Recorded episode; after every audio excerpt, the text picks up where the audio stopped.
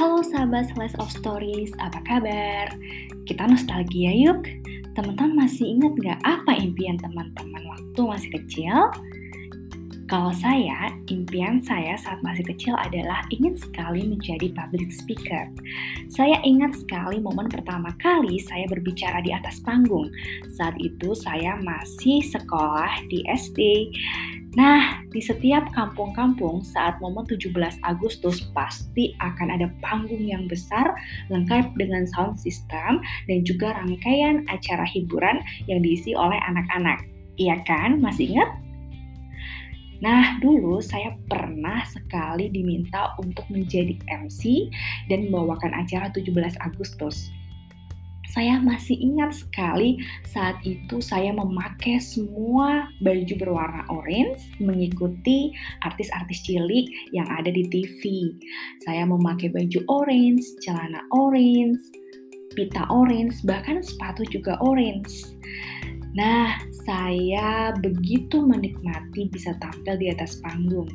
Saya melihat mata para penonton yang justru membuat saya semakin semangat dan bisa menuntaskan tugas hari itu dengan lancar. Sejak saat itu, tahun-tahun berikutnya, saya diminta lagi menjadi MC sampai saya selesai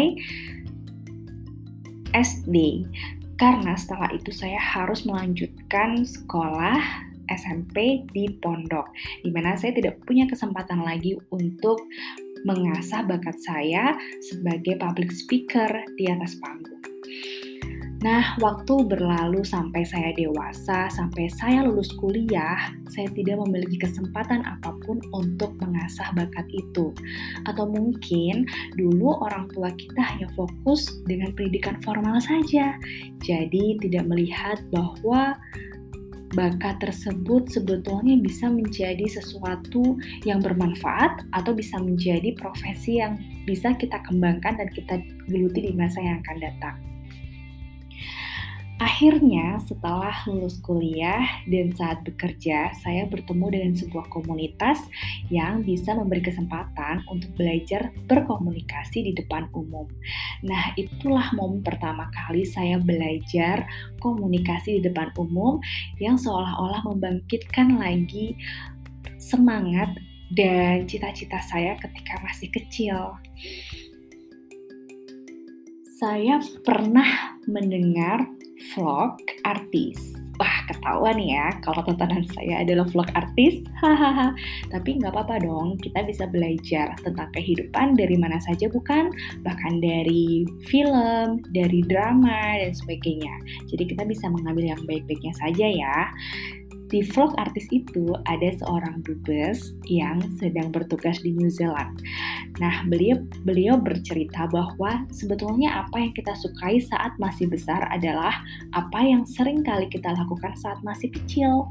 Mungkin karena saat masih kecil dulu kita melakukan apa yang kita sukai dan kita melakukannya tanpa beban dan juga kita melakukannya tanpa ekspektasi apa pun. Jadi kita bisa melakukannya dengan sesuka hati kita dengan begitu santai, bersemangat, dan hanya ingin tampil dilihat orang dan itulah pikiran-pikiran polos kita saat masih kecil. Saat punya anak, saya menjadi berpikir bahwa mungkin memang benar kita sebagai orang tua perlu lebih peka lagi untuk bisa melihat keunikan anak-anak kita. Siapa tahu itu adalah sebuah uh, misi yang diberikan Tuhan saat mereka dilahirkan agar kelak saat dewasa mereka bisa menggunakan keunikan itu untuk berperan di masyarakat. Jangan sampai kita memaksakan obsesi kita pribadi sebagai orang tua sehingga bisa mengubur keunikan-keunikan atau bakat anak-anak kita karena kita terpaku hanya dengan pendidikan formal yang mengesampingkan bakat-bakat itu. Tapi setidaknya saat ini banyak sekali pilihan yang bisa kita pilih untuk memaksimalkan potensi anak. Karena banyak sekali sekolah-sekolah yang sekarang juga memperhatikan skill-skill atau soft skill anak-anak sehingga mereka tidak hanya berfokus dengan pendidikan formal tinggal kitanya sebagai orang tua bagaimana untuk bisa membuka pikiran kita, untuk bisa memperluas wawasan kita tentang dunia pengasuhan, tentang dunia parenting. Dan salah satu hal yang paling berguna yang bisa kita pelajari adalah pengalaman diri kita sendiri. Jika kita merasa bahwa orang tua kita telah mendidik kita dengan baik, kita bisa menirunya.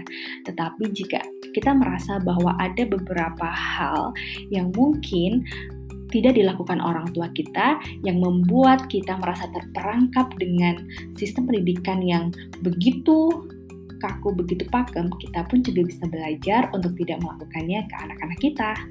So, mari kita lebih peka, mari kita membuka pikiran, dan mari kita lebih bisa melihat keunikan anak-anak kita, karena siapa tahu keunikan itulah yang akan menjadi peran spesifik mereka nanti untuk kehidupan bermasyarakat. Sampai jumpa.